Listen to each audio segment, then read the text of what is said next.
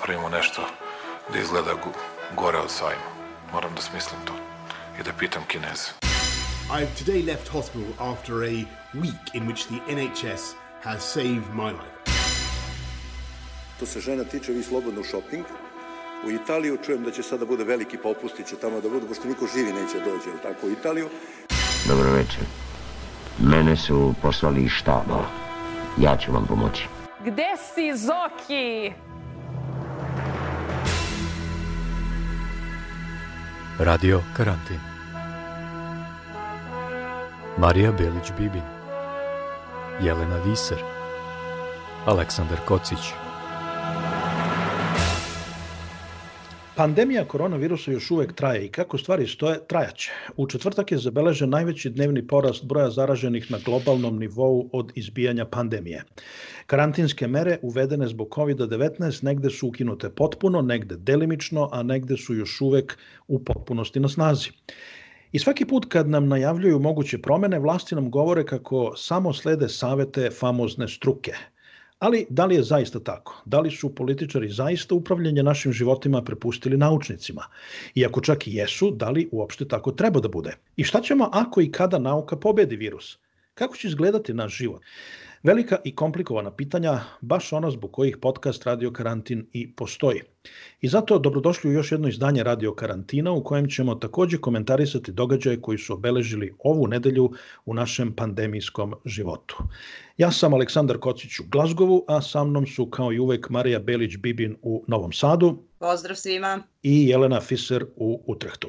Pozdrav. Naš gost danas je sociološkinja sa Univerziteta u Kembridžu, Jana Bačević. Radio karantin. Jana, kako vi provodite ovo vreme u karantinu koji kod nas u Britaniji još uvek traje negde kao kod vas u Engleskoj u malo blažem obliku nego ovde kod nas u Škotskoj? Pa ja uglavnom moram da priznam e, imam relativno veliku sreću toliko što e, nemam nikakvu dužnost da se staram o recimo deci, tako da u tom smislu e, moj život u karantinu kao i život mnogih istraživača ne izgleda mnogo drugačije od života van karantina. Jedina važna razlika jeste u tome što se nastava naravno sada, sada odvija online, tako da u tom smislu svoje studente i studentkinje uglavnom viđam preko kompjutera, ali osim toga moram da priznam, mislim da smo mi u Britaniji, odnosno i u Engleskoj, relativno srećni u toliko što možemo da izlazimo, mogli smo da izlazimo sve vreme, tako da ja živim blizu zelenih površina, Cambridge je, Cambridge je mali i, i vrlo zelen, tako da eto, uživam u dobrom vremenu kad je vreme lepo.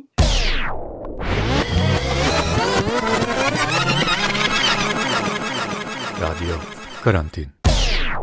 Yes, this enemy can be deadly. But it is also beatable. And we know how to beat it, and we know that if, as a country, we follow the scientific advice that is now being given, we know that we will beat it. I pre svega mi smo slušali struku, želim to da kažem svima, dakle nisu odluke donosili političari, već su odluke donosili ljudi koji su najstručniji u našoj zemlji. Every community faces different risks and it is critical for you to follow the guidelines of your local officials who are working closely with our federal health experts, and they are the best. Čuli smo Borisa Johnsona, Aleksandra Vučića i Donalda Trumpa kako se praktično zaklinju da će u borbi protiv koronavirusa slediti savete eksperata i naučnika. Jana, vi ste nedavno u Britanskom Guardianu imali kolumnu u kojoj kažete da su naučna savjetodavna tela tu da političarima objasne nauku i pomognu im da donesu političke odluke. Napisali ste da političari ne pitaju koje je ovde najbolje naučno rešenje, nego kojom intervencijom ćemo sprečiti X ili Y i naglasili da su odluke koje donose političari neminovno političke prirode. Takođe ste rekli da je važno šta političari ne pitaju naučnike. I ako sam dobro razumeo, glavna poenta vaše kolumne je da naučnici savjetuju, ali da odluke donose političari. To ste napisali u kontekstu britanskog odgovora na epidemiju. Ali da li se ovo gledište može primeniti univerzalno? Pa ja bih uvek bila, bila vrlo oprezna kada govorimo o primenjivanju bilo kog gledišta univerzalno, ali ono što mislim da svakako jeste slučaj kada su u pitanju ekstremne situacije kao što je, na primjer, pandemija, jeste da je sa jedne strane jasno da mora da postoji naučni doprinos, da nauka ima vrlo važnu reč u tome kako se donose odluke, ali sa druge strane da su te odluke uvek političke prirode i da za njih odgovornost snose političari. I samim time e, suština mog teksta i suština mog argumenta jeste bila da skrene pažnju da kada se odgovornost za određene politike, odnosno određene pristupe suočavanju sa koronavirusom kada, kada se pripisuje nauci, da, ta, da to zapravo nikada nije, nikada nije ceo odgovor. To je najčešće, u Britaniji svakako, a mislim možemo razgovarati o tome do, do koje tačke se to može primeniti i u drugim kontekstima. Način za političare da obezbede dve stvari. Jedna je naravno javno poverenje, odnosno poverenje javnog mnenja, to da ljudi ne počnu da razmišljaju o tome, očekajte, pa da li ja baš treba da nosim masku, da li je ovaj virus baš opasan, a da ipak izađem? I tako dalje i tako dalje.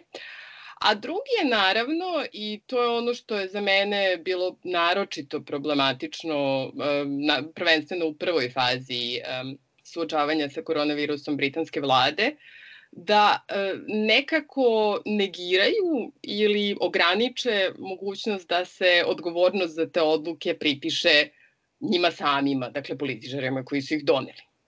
E sad, ako to kažete, Jano, da li onda politika nema pravo da negde uh, kada izanalizira reagovanje na pandemiju kaže da je zapravo struka glavni krivac i da na kraju proglasi struku žrtvenim jarcem negde.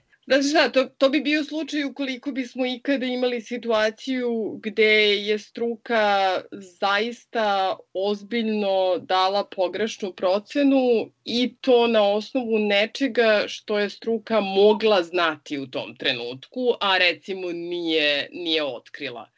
I to je, mislim, postoji nekoliko istorijskih analogija sa, sa tom situacijom. Uh, jedan od, kada recimo kada se dogodio Černobil, ono što jedna od stvari koje je uh, koje je tadašnji Sovjetski savez probao da uradi jeste da, dobro naravno prvo da, da, zabašuri, uh, da zabašuri samu eksploziju, a zatim i da uh, svali krivicu na uh, naučnike koji su, koji su bili zaduženi za staranje o um, o nuklearnoj, eh, o nuklearnoj elektrani u Černobilu. I recimo ono što se onda pokazalo jeste da struka zapravo jeste nešto propustila, ali da je taj propust bio uh, donekle pod političkim pritiskom.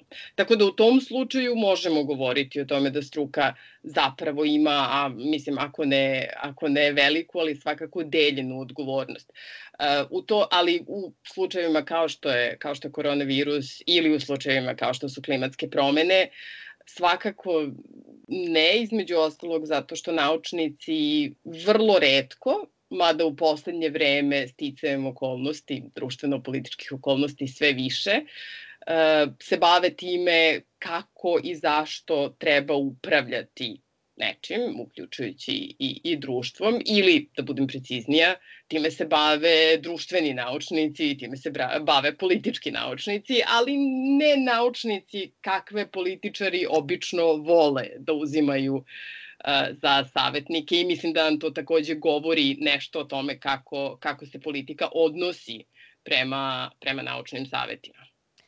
Jedan od uh, ključnih predstavnika struke je Svetska zdravstvena organizacija koja je ove nedelje prihvatila inicijativu da se što pre pokrene detaljna istraga o tome kako je Svetska, Svetska zdravstvena organizacija reagovala na širenje COVID-19. Inicijativu koju je pokrenula Evropska unija prihvatila je i Kina, a nakon što je američki predsednik Donald Trump zapretio da će SAD prestati da finansiraju Svetsku zdravstvenu organizaciju. Trump već duže vreme ovu organizaciju naziva kineskom marionetom. Jana, da li je ovo primer onoga o čemu smo malo pregovorili? Traženje krivca u struci ili je Trumpov zahtev možda sasvim legitiman?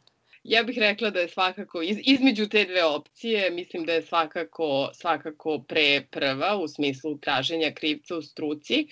To je takođe donekle i posledica političkog procesa koji ima veze sa time kako se upravlja na različitim nivoima uh, suverenosti, mislim, pošto je Svetska zdravstvena organizacija naravno međunarodna organizacija i uvek postoji neka vrsta tenzije između uh, međunarodnih uh, organizacija tog nivoa i uh, nacionalnih, dakle, organizacija koje su na nivou država i onda naravno u odnosu na, na konkretnu državu u pitanju nekada i regionalnih ili federalnih.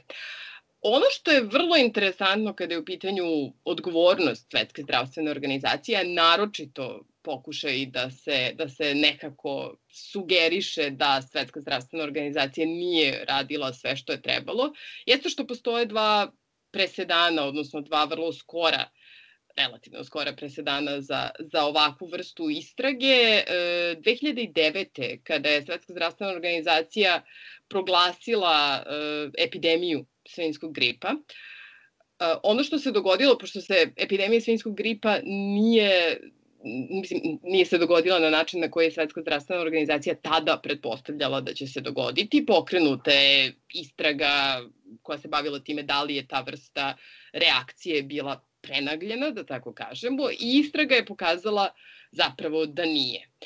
2016. kada se Zika virus i mikrocefalija odnosno mikrokefalnost vezana za, za tu, vrstu, tu vrstu infekcije pojavila u Brazilu. Svetska zdravstvena organizacija tada nije proglasila epidemiju, ali proglasila nešto što se zove public health emergency, mislim u smislu međunarodnih razmera.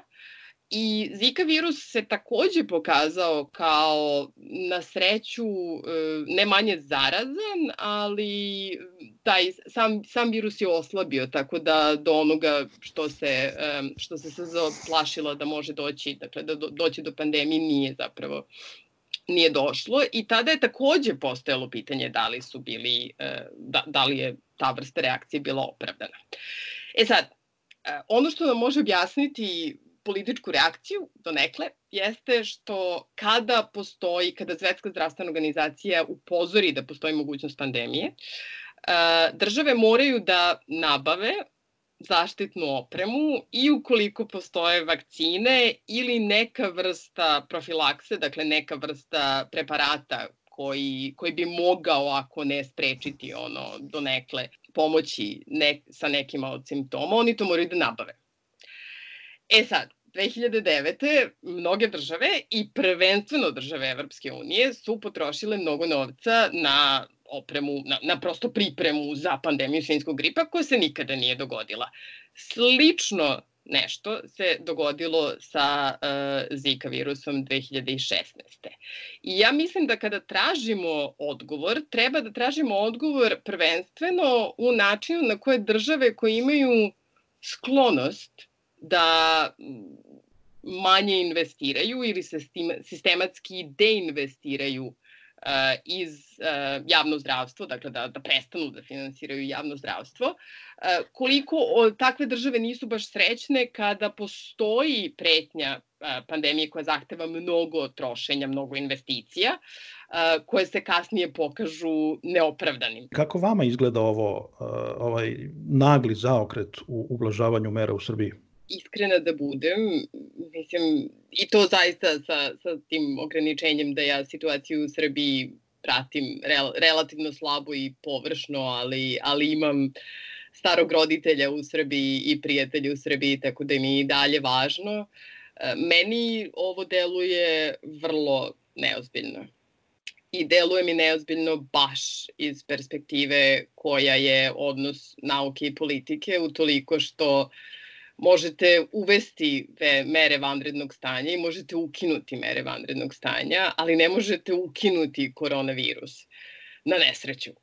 Tako da samim time virus je svakako i dalje prisutan u populaciji, e, naravno sa stopom reprodukcije, odnosno prenosa koja je dovoljno niska nadam se da opravda relativno otvaranje društva i, i otvaranje nekih, nekih, nekih funkcija, nekih institucija, ali prosto meni, meni deluje kao da je svako prenagljeno otvaranje i to se sada odnosi i na Britaniju, da je prosto preveliki rizik i da je vrsta političke odluke koja vrlo jasno govori o tome da su prioriteti negde drugde, a ne na zdravlju populacije, odnosno preživljavanju najvećeg mogućeg broja stanovnika.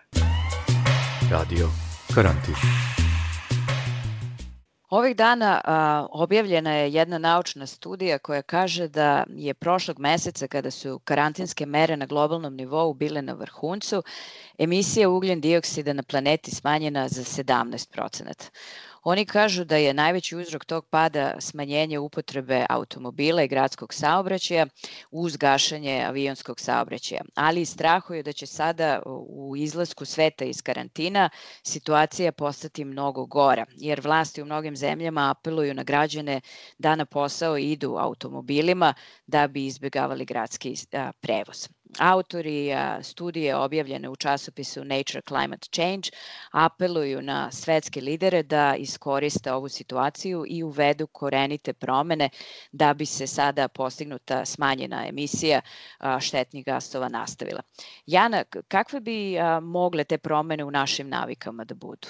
Te promene zavise jako od toga kako zapravo organizujemo ekonomiju i to naravno prvenstveno znači kako organizujemo proces rada i radna mesta, a onda nakon toga i kako organizujemo slobodno vreme, odnosno ono što radimo, ono što radimo kada e, nis, nismo na radnim mestima. E, postoje različiti scenariji, različiti planovi za to kako bi se to moglo organizovati. Uglavnom e, uključuje nešto što jeste pomeranje ka većoj lokalizaciji života, dakle toga da se veliki deo života odvija, ako ne baš u okviru, u okviru domaćinstva, što niti je dobro, niti je za mnoge ljude pod sadašnjim stambenim uslovima moguće, ali da se odvije u neposrednoj blizini, tako da bi ljudi recimo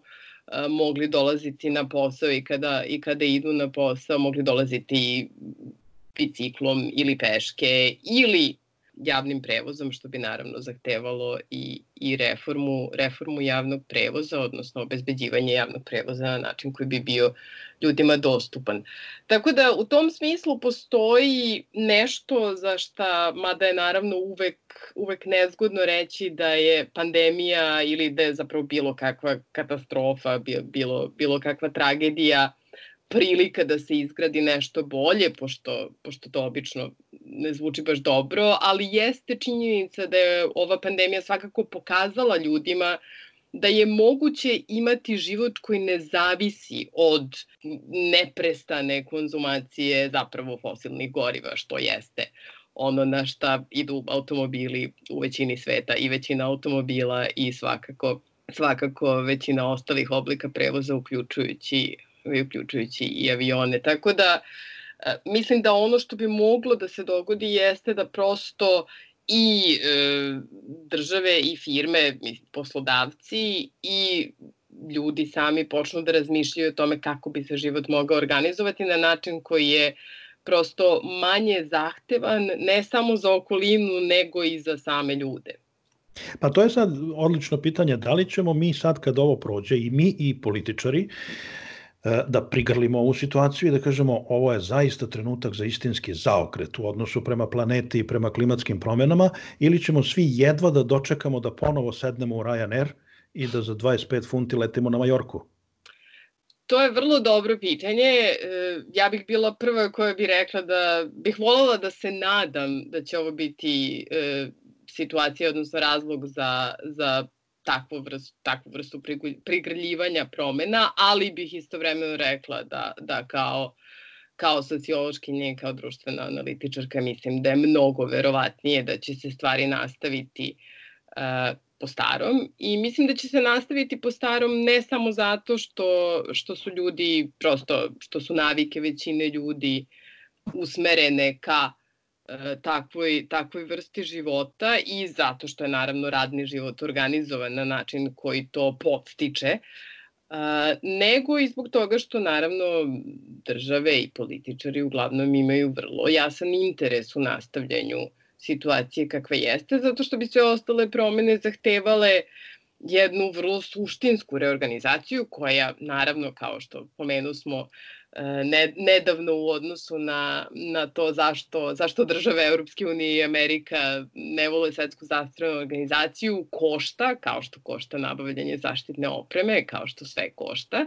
I mislim da je jedan od razloga zašto, jedna, jedna od stvari za koje će se ova sadašnja, odnosno predstojeća E, recesija iskoristiti e, za je mislim biće biće prosto usmeravanje ka tome da se što pre ponovo pokrene ekonomija i naravno da je za, za većinu država najjeftiniji, najjednostavniji i najsigurniji politički način da se samo stvari nastave po starom.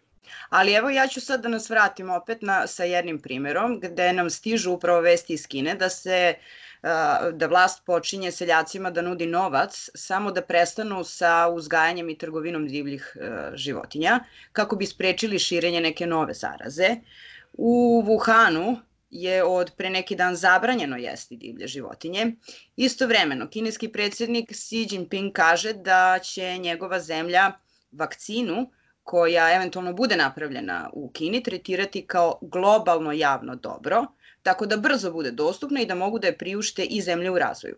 E sad, Jano, da li je to primer uh, početka nekog iskrenog zaokreta koji mi treba da pozdravimo ili je u pitanju cinična politička igra kako bi se Kina iskupila za greške sa početka pandemije i istovremeno negde zauzela mesto tog globalnog lidera, ako možemo uopšte tako da kažemo, za koje Trumpova administracija u ovom trenutku očigledno ili nije zainteresovana ili, ili još nije spremna.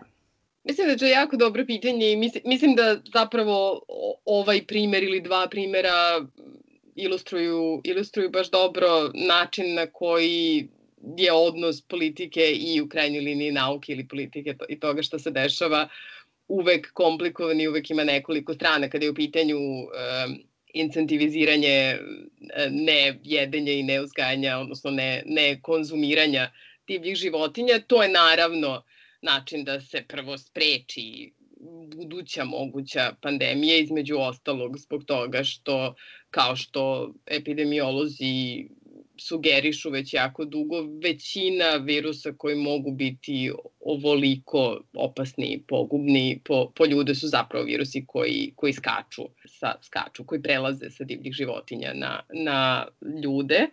Tako da samim time to je donekle prosto vrsta, vrsta prevencije i ja bih rekla takođe do, ne, do nekle vrsta iskupljivanja. Kada je u pitanju javno dostupna i, i besplatna vakcina, to je naravno vrsta međunarodne politike na malo širem nivou. Eh, jedna stvar je naravno Kina to može da priušti, pošto je Kina trenutno jedina zemlja čiji je ekonomski, ekonomski rast, odnosno stopa, stopa rasta počinje da se vraća na normalu i to između ostalog zbog toga što su te prilično restriktivne eh, mere koje su uvedene u Wuhanu, a zatim i, i u ostalim provincijama, izgleda uspele da suzbiju, suzbiju virus relativno brzo i relativno efikasno, mada naravno postoje izuzeci, ali i nezavisno od toga, naravno, Kina je, Kina je velika ekonomska i, i politička sila i samim time Kina je naravno takođe zainteresovana za prosto širenje uticaja kao i sve ostale svetske sile, to je ono što je Amerika radila decenijama, to je ono što Brazil takođe radi samo na druge načine i tako dalje i tako dalje, to je ono što Rusija takođe radi. Tako da u tom smislu Kina naravno ima politički interes zato što ta vakcina će doći sa, sa nečim drugim, isto kao što je kineska pomoć Srbije došla, Srbiji došla sa nečim drugim. Mislim, da li su to preferentni, odnosno preferencije u trgovinskim odnosima, da li je to uh, način da se stimuliše izvoz nečega što Srbija ima, mislim, potpuno je, ili dr druge države, tako da mislim, potpuno je sve jedno, ali kao, kao što je Marshallov plan bio, um, bio vrsta spoljne, odnosno međunarodne politike, javno dostupna vakcina je takođe vrsta međunarodne politike, mislim, što ne znači da to nije dobra stvar u odnosu na ono što Trump pokušava, to je da odnosno barem je pokušavao, a to je da razvije, da Amerika zapravo patentira vakcinu prva, a zatim da je prodaje drugim državama, kako da vam kažem, birajući između birajući između spoljno-političke zavisnosti koja dolazi sa besplodnom vakcinom i spoljno-političke zavisnosti koja dolazi sa vakcinom koja se pritom plaća. Mislim, nije, nije potpuno nerazumno da će većina država, a naročito siromašnih, odnosno država u razvoju, birati ovo prvo. Jelena Viser Marija Belić-Bibin Aleksandar Kocić Radio Karantin U svakoj emisiji Radio Karantin donosi lične priče svojih slušalaca zato što želimo da čujemo kako vi živite i kako doživljavate i proživljavate ovaj istorijski događaj koji živimo, a koji nismo birali. Svoje lične priče možete da snimite na telefon ili kompjuter i da, im na, da nam ih pošaljete. Samo nam se javite preko Soundclouda, Twittera, Facebooka ili gde ste nas već pronašli da vam objasnimo kako. Larisa Inić živi u Kopenhagenu, Danskoj i poredi život u, kako kaže, jednoj zemlji prvog sveta naspram zemalja trećeg sveta gde ona vidi i rodnu Srbiju. Larisa kaže da njima u Danskoj pandemija nije toliko teško pala, najviše zahvaljujući dobroj reakciji vlasti, ali da joj ipak puno nedostaju putovanja. Ja bih krenula od jedne možda generalne ocene da preživeti ovakvu kriznu situaciju u državi prvog sveta nije ni nalika onome što smo mi navikli u državama trećeg sveta, uključujući i redovne okolnosti. Tako da ja ne mogu da kažem da sam e, osetila neku preteranu ugroženost i uplašenost I to je pre svega zahvaljujući izuzetnoj kompetenciji ovdašnje vlade, na čelu sa Mette Frederiksen, koja je obavila sjajan posao. Trenutno u Danskoj su na snazi još neke mere, naravno, pre svega zabrana okupljanja više od 10 ljudi na jednom mestu, obavezno držanje distance, e, higijena ruku, nedodirivanje lica su i dalje osnovna preporuka, a maske su preporučene da se nose ukoliko imate simptome i u izuzetno malim prostorijama i u javnom prevozu. Naš prvi kontakt s koronavirusom počeo je malim skandalom kada su lokalne novine objavile da objavile karikaturu kineske zastave koja je umesto onih žutih petokraka i petokrakica imala virus sa viruščićima I tada je kineska vlada uložila ogroman protest, insistirala na tome da ovdašnja vlada pritisne novine da se izvinu i tako dalje, što je naravno nedopustivo, nedozvoljivo. Reakcija ovdašnje vlade je bila kod nas je sloboda medija, e, nešto u šta se ne dira. Neposredno posle toga smo imali direktan e, susret sa sve većim brojem e, zaraženih kada su i uvedene mere, što zdravstvene, što socijalne, tako će, na primer, e, danska vlada pokriti 75% plata zaposlenih u privatnom sektoru čiji su biznisi ugroženi direktno koronavirusom i tako dalje. Što se mog lično života tiče, radim inače od kuće, e, obavljam kupovinu uglavnom online. Ja mislim da u prodavnici prehrambenih proizvoda nisam bila pet meseci sigurno. I imali smo zaista predivno vreme. Potpuno netipično za dansko proleće koje je otprilike kao naša kasna jesen. Živim u centru Kopenhagena, u Newhavnu. E, to je onaj niz šarenih kućica koje se pojavljuju na svakoj e, slici Kopenhagena u medijima. I osim toga bavim se i učenjem crtanja, pošto želim da upišem modni dizajn i malo sam više posvećena tome, pošto smo se nedavno uselili u ovaj stan, onda smo e, ovo vreme takođe posvetili malo uređenju prostora, za to nismo imali vremena od letos. Dosta čitamo, igramo igrice, pokušavamo da konzumiramo što je moguće više kulture online, jer je to ono što nam nedostaje, da odlazimo na neke događaje i da izlazimo u, u, u restorane. Ono što nam sigurno nedostaje i nedostajaće nam uh, su putovanja i zaista se nadam da će neko što pre savladati ovu malu beštiju i vratiti nam naše živote u potpunosti. Ovo je podcast Radio Karantin, šesta epizoda. Ako vam se dopada ovo što čujete, a ne biste nas valjda slušali do ovog minuta da vam se ne dopada, probajte onda i naše prethodne emisije ako niste do sada. Naši gosti prethodnih nedelja bili su novinar Slobodan Stupar, profesor ekonomije i noćna mora Siniše Malog Raša Karapandža, naučnica i lekar iz Njurka Svetlana Gavrilov, istoričarka Dubravka Stojanović i psiholog Tijana Mandić. Sve naše emisije, kao i na desetine ličnih priča običnih ljudi u ovom neobičnom vremenu, naći ćete na našoj SoundCloud stranici podcast Radio Karantin. I kad se oduševite, ostavite nam komentar tu gde ste nas čuli ili na Facebooku ili na Twitteru. Jana Vise u svom istraživačkom radu između ostalog bavite amaterskim i stručnim tumačenjima neoliberalizma. Neoliberalizam je pojam koji se često koristi da se opiše dominantni oblik kapitalizma u zapadnom svetu pa i drugde danas. Šta je tačno neoliberalizam i u čemu se razlikuju shvatanja neoliberalizma kod običnih ljudi i kod eksperata?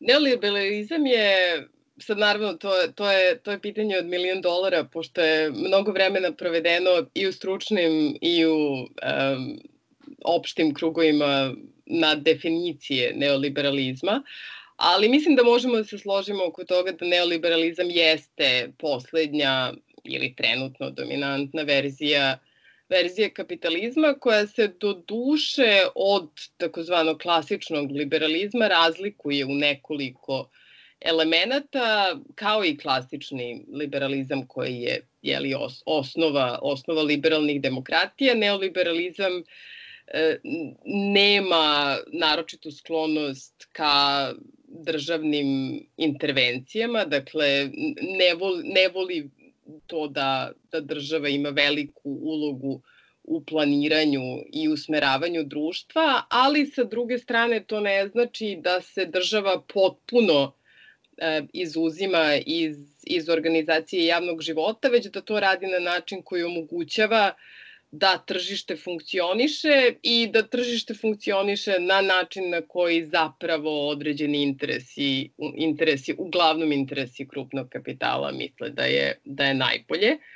Ideja je naravno, zato se i zove neoliberalizam, jeli, kao, kao revizija, odnosno kao nova vrsta, nova verzija liberalizma, ideja da je tržište jedini način da se rasporede, da se rasporedi pristup e, stvarima u društvu i da je najbolji i da je naj e, više fair, odnosno da je naj, najegalitarniji, da dovodi do jednakosti, je donekle pozemljena od Adama Smitha, pa se samim time identifikuje sa suštinom liberalnih ideja, ali naravno ono Uh, ono što je, što je vrlo zgodno ignorisano kad je, kad je Adam Smith u pitanju jeste da je Smith bio vrlo svestan toga da sama distribucija uh, pristupa stvarima kao što su obrazovanje ili hrana ili bilo šta drugo uh, ne može da se organizuje samo putem tržišta zato što su različite interesne grupe u društvu sklone da zapravo taj proces koji deluje kao da je neutralan, kao da je nezavisan od, od konkretnih aktera, da ga zapravo e, prilagode svojim potrebama. Tako da samim time neoliberalizam je, je, vrsta, je vrsta pristupa upravljanju, jedna vrsta političke ideologije koja se zapravo izuzima e, iz političke, odnosno izuzima se od političke odgovornosti za upravljanje, ali s druge strane voli da, e, kao što se to nekada laički kaže, vuče konce iz, iz pozadine na način koji omogućava da će tržište da nastavi da funkcioniše. Onda koliko je neoliberalizam doprineo zapravo ovoj kilovoj reakciji na pandemiju u većini zapadnih zemalja? Mislim da ono što svakako možemo da vidimo jeste šta se dešava kada su neoliberalne politike sa tom idejom o tome da država ne treba da ima veliku ulogu dovele do definansiranja E, javnog sektora, a naročito javnog zdravstva. Britanija je tu jedan, htela sam da kažem odličan, ali zapravo naravno strašan primer, e, pošto je britanska National Health Service, odnosno britansko javno zdravstvo je, je godinama osi, osiromašeno, baš tim, baš zahvaljujući neoliberalnim idejama o tome da zapravo zdravlje je nešto što, što treba zaslužiti, a ne, a ne imati tome pristup sam, samom učešću ovaj, učešću u društvu, odnosno u zajednici. Amerika je naravno drugi i u tom smislu još strašniji primjer zato što dokle Britanija barem ima javno zdravstvo koje je do duše osiromašeno i sada kao što možemo da vidimo na primjeru pandemije vrlo ozbiljno prosto pretrpano odnosno nesposobno da izađe na kraj sa, sa ovakvom vrstom, vrstom katastrofe, između ostalog zbog te vrste a, pristupa reformi godinama. A, u Americi je sa malim izuzetkom Obaminih pokušaja da se donekle uvede osnovno zdravstveno osiguranje, zdravstveni sistem u veliku, velikom domenu privatan, odnosno zavistan od mogućnosti pojedinaca da ga priušte. Tako da mislim da je ono što vidimo prilično jasno na tom nivou eh, da je prosto efekat neoliberalnih politika na javno zdravstvo takav da to znači da su ljudi kada je pandemija u pitanju uglavnom ostavljeni samima sebi. Pa mislite da će tu doći do nekih promena sada? Da li je ova pandemija upravo pokazala prst u to mesto da tu treba da se vrše promene? Opet kao i sa klimatskim promenama, volela bih da kažem da, ali bojim se da ne. E, u smislu u kom mislim da će većina država, i ne kažem da je to slučaj svugde, e, mislim da će većina, naročito država koje su godinama sprovodile neoliberalne politike, napraviti samo jedan zaokret ka nekoj kombinaciji autoritarnog neoliberalizma koji će sadržati de, deo uh, određene vrste takođe intervencionizma, ali vezane za, odnosno paternalizma uh, u, u ekonomskom, odnosno ideološkom smislu vezanog za to šta će biti omogućeno pojedincima da rade. Da, da prevedem to na, na relativno jednostavne, jednostavne termine, mislim da će države biti zainteresovane za to da, odra, da održavaju javni red i mir i osiguravaju da ekonomija može da nastavi da funkcioniše kroz neku vrstu zdravstvenog osiguranja koja će biti zavisna od toga da recimo ljudi prihvataju da rade i da prihvataju da idu na posao čak i recimo kada misle da situacija za to nije dovoljno bezbedna. Direktorka Međunarodnog monetarnog fonda kaže da potpuni ekonomski oporavak od krize izazvane pandemijom ne treba očekivati u 2021. nego tek posle. E, Kristalina Georgijeva naglašava da će najveća opasnost u periodu koji predstoji biti protekcionizam.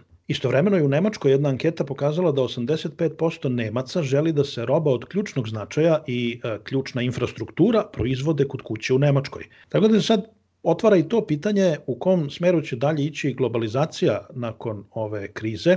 I hteo sam samo pre što odgovorite da kažem i ovo, video sam pre neki dan na društvenim mrežama je neko napisao super je ovaj neoliberalizam kad mora socijalizam da ga spašava svaki 10 godina. To sa socijalizmom je dobra šala, ali ja, ja bih i dalje rekla da da se bojim da, da ovo što vidimo nije socijalizam ni na koji način, naprotiv da je stvarno uh, neka vrsta to je nešto što smo koleginice i ja u članku koji bi trebalo da izađe relativno skoro zapravo nazvale e, liberalizmom ograničenog izbora, što je liberalizam koji kombinuje vrlo ozbiljne elemente prvo autoritarnosti i drugo paternalizma kada je u pitanju sobstveno društvo ili protekcionizma kada su u pitanju tržišni odnosi. Tako da, naravno, Međunarodni monetarni fond jeste nezavisno od svojih relativno skorašnjih izjava o tome da možda neoliberalizam nije bio baš najbolja ideja. Međunarodni monetarni fond jeste vrsta organizacije koja naravno podržava globalizaciju i podržava donekle jeste bila jedan od glavnih činilaca u, u širenju, širenju neoliberalnih politika, tako da samim time uh, Međunarodni monetarni fond ima naravno do nekle ne, ne iznenađujuće loše mišljenje, odnosno nesklonost ka protekcionističkim politikama. Mislim da ćemo videti kombinaciju nekoliko stvari i sad ovo je naravno jako teško proceniti zato što između ostalog zavisi od uh, toga kako bude išlo snabdevanje hranom i osnovnim namirnicama pa onda sve ostalo. Uh, ali mislim da ćemo videti neku vrstu e, zadržavanja e, međunarodne trgovine, odnosno međunarodne distribucije centara za proizvodnju, što je nešto što ima veze sa brzim oporavkom Kine.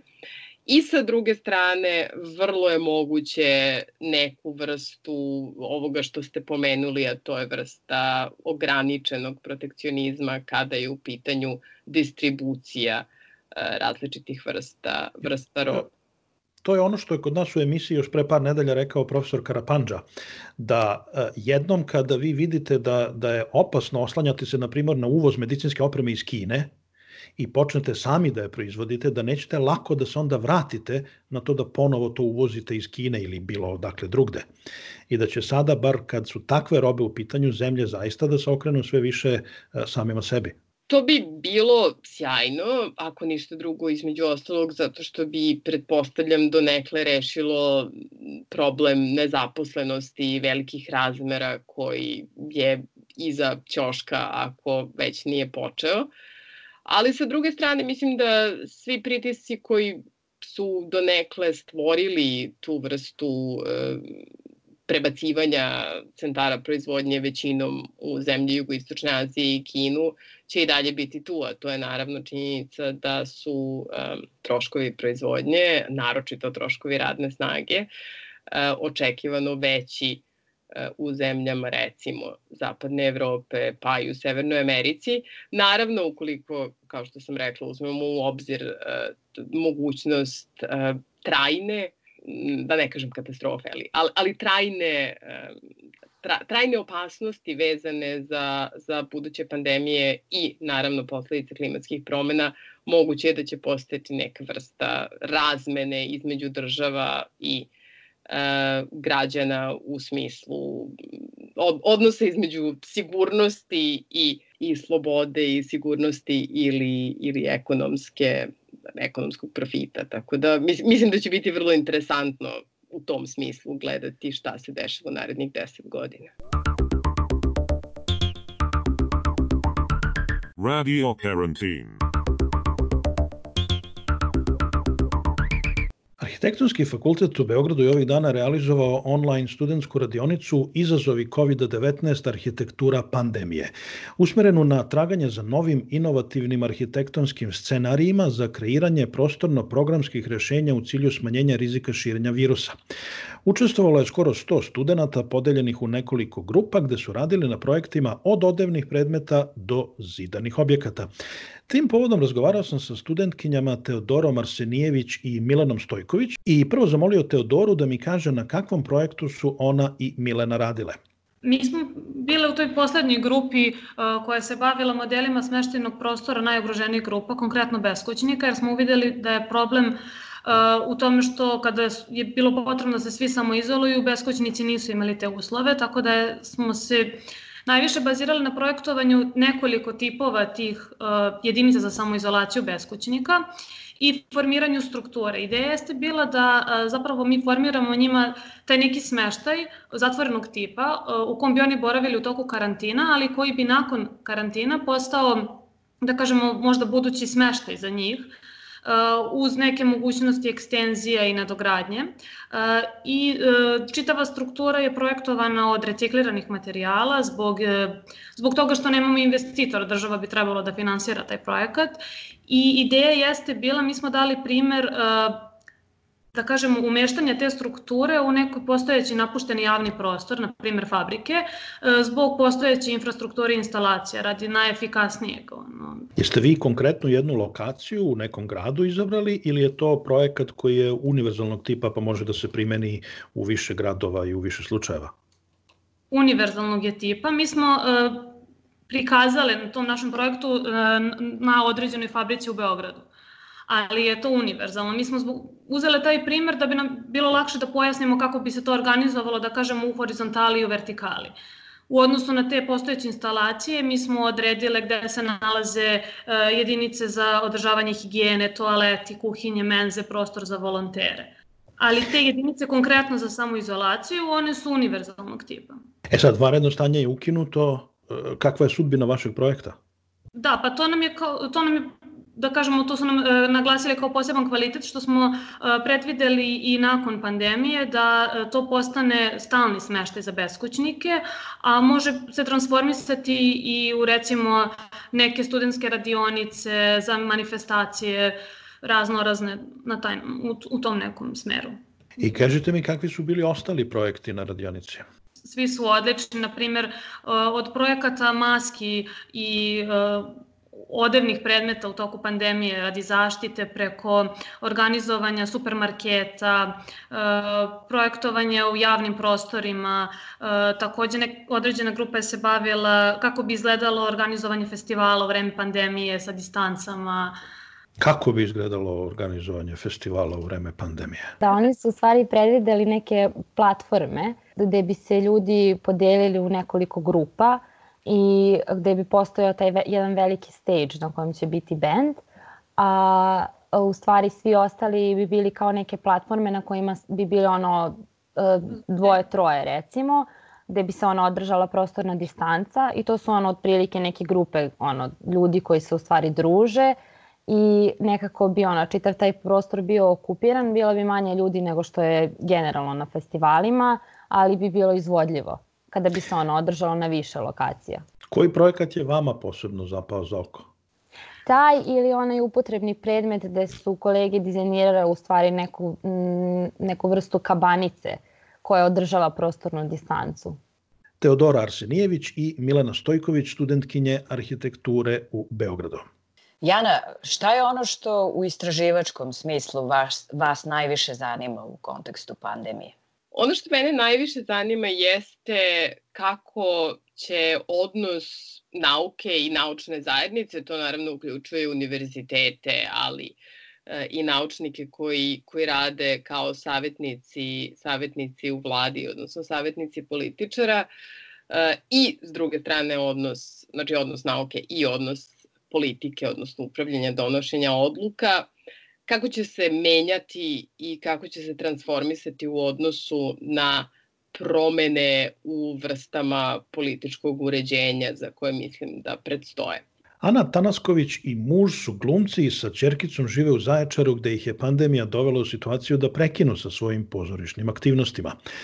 Ana kaže za radio karantin da su im tokom izolacije priroda i muzika bili spas, da su rođendane prostavili karantinski, a nada se da će i za pozorište uskoro biti nađeno neko rešenje u ovim vremenima. Ova vanredna situacija zatekla je mog muža Miloša i mene kao glumce u radu na predstavi Bliži nebu Željka Hubača u pozorištu u Zaječaru. Cela ekipa je morala da se raziđe i projekat je morao da bude zamrznut i dalje čekamo kada će sve to biti nastavljeno. Instrukcije o ponašanju smo naravno poštovali, informativni program smo zbog deteta prebacili za večernje časove. E, uključili smo razne kreativne sadržaje, e, rasterećujuće, e, koje smo prilagodili našem detetu i uopšte njenim nekim interesovanjima društvo iz vrtića je naravno nedostajalo, ali tu je bila Viber grupa i redovni zadaci iz vrtića koji su stizali, koje smo u početku rado radili, onda malo manje rado i nekako smo to prebrodili. Pošto živimo u stanu, onda smo nekoliko puta išli u prirodu, naš Fiat Panda se zakotrljao, puštali smo muziku u autu i to nam je kao i ta priroda pomogla da ti dragoceni trenuci zapravo budu nekako lekoviti. Pošto živimo blizu Supa, e, imali smo rotacioni light show u vreme policijskog časa, a i to smo nekako detetu objašnjavali da to tako mora i tako treba i da to ništa nije strašno. Naši roditelji su penzioneri u Pančevu i Zemunu i nismo mogli prosto fizički da im pomognemo, bili smo samo eto moralna podrška. Sva tri rođendana smo proslavili u stanu i čekamo eto neke bolje trenutke za te žurke. serije i filmove koje smo snimali umeđu vremenu su puštali, pa smo eto imali priliku da sami sebe nekako pogledamo. Usput smo se i zapitali o budućnosti pozorišta uopšte, kako će to izgledati i da li će izgledati i nadamo se da će nekako uopšte pozorište uspeti da opstane i u ovim, da kažemo, odgovornim vremenima. Bila je to Ana Tanasković iz Zaječara. Vreme je za muziku, ali umesto uobičajenog kolaža danas samo jedna pesma. Učenici petog razreda osnovne muzičke škole Stanković u Beogradu došli su na ideju da naprave aranžman i video za neku popularnu pesmu, pa su izabrali Ona to zna Vlad Divljana. Uz video snima koji ih prikazuje kako sviraju svako od kuće, naravno, kažu da izražavaju večnu zahvalnost Vladi Divljanu na sreći i ljubavi koju njegove pesme bude u njima.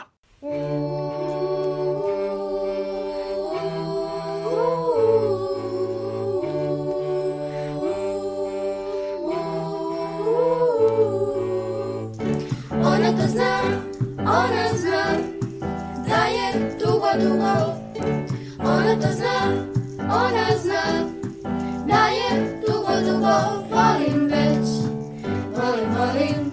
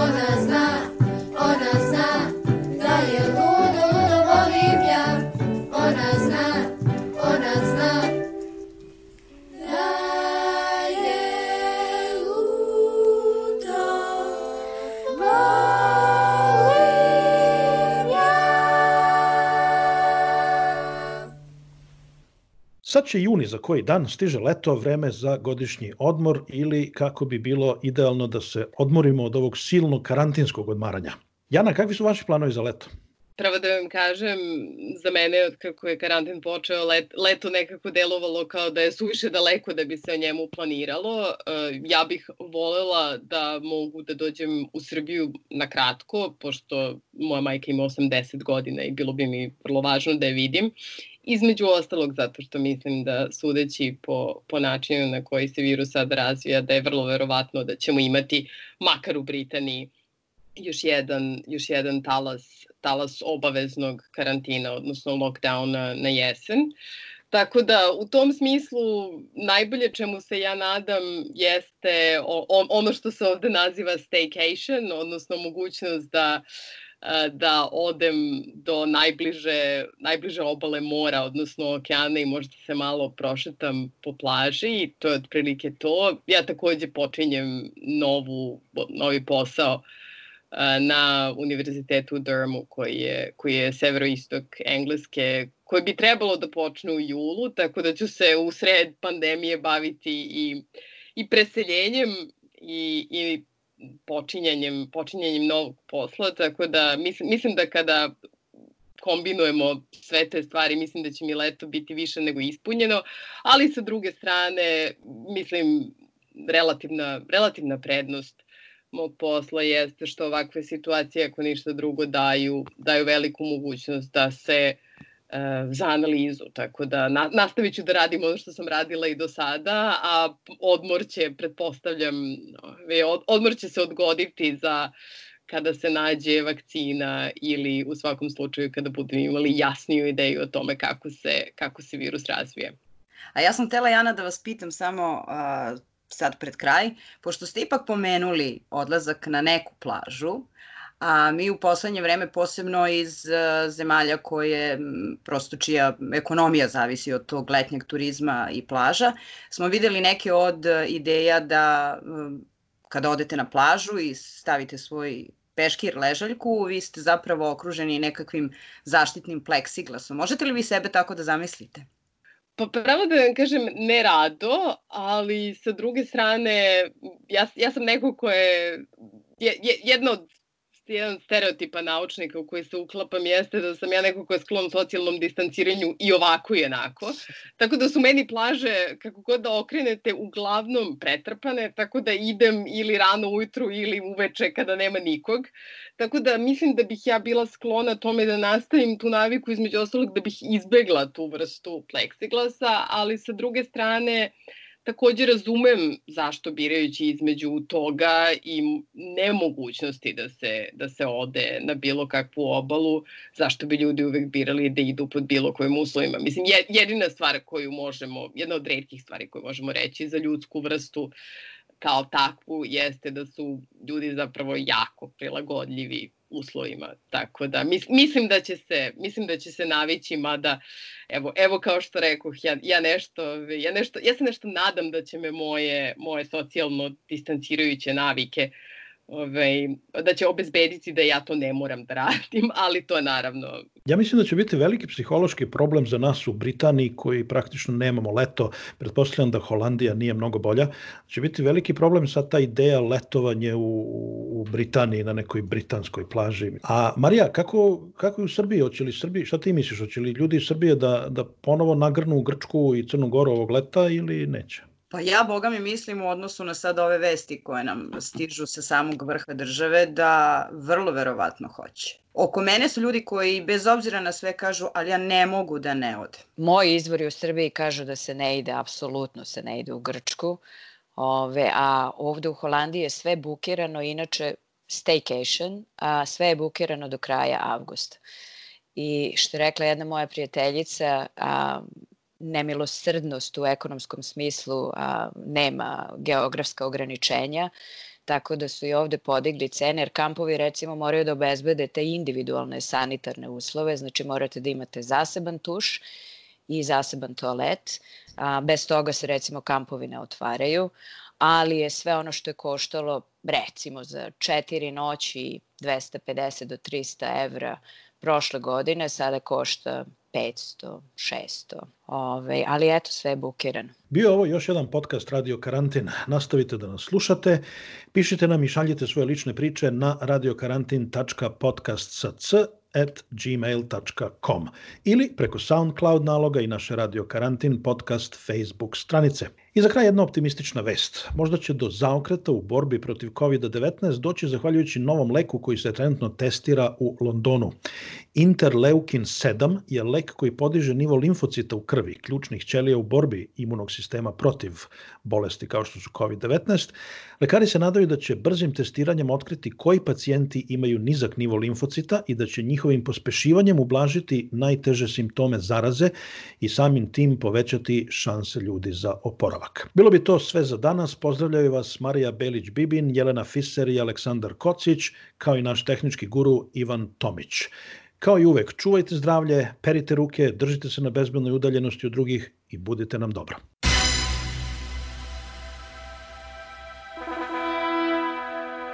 Moramo da napravimo nešto da izgleda gore od sajma. Moram da smislim to i da pitam Kineze. I've today left hospital after a week in which the NHS has saved my life. Što se žena tiče, vi slobodno u shopping. U Italiju čujem da će sada bude veliki popusti, će tamo da budu, pošto niko živi neće dođe, jel tako, u Italiju. Dobro večer. Mene su poslali iz štaba. Ja ću vam pomoći. Gde si, Zoki?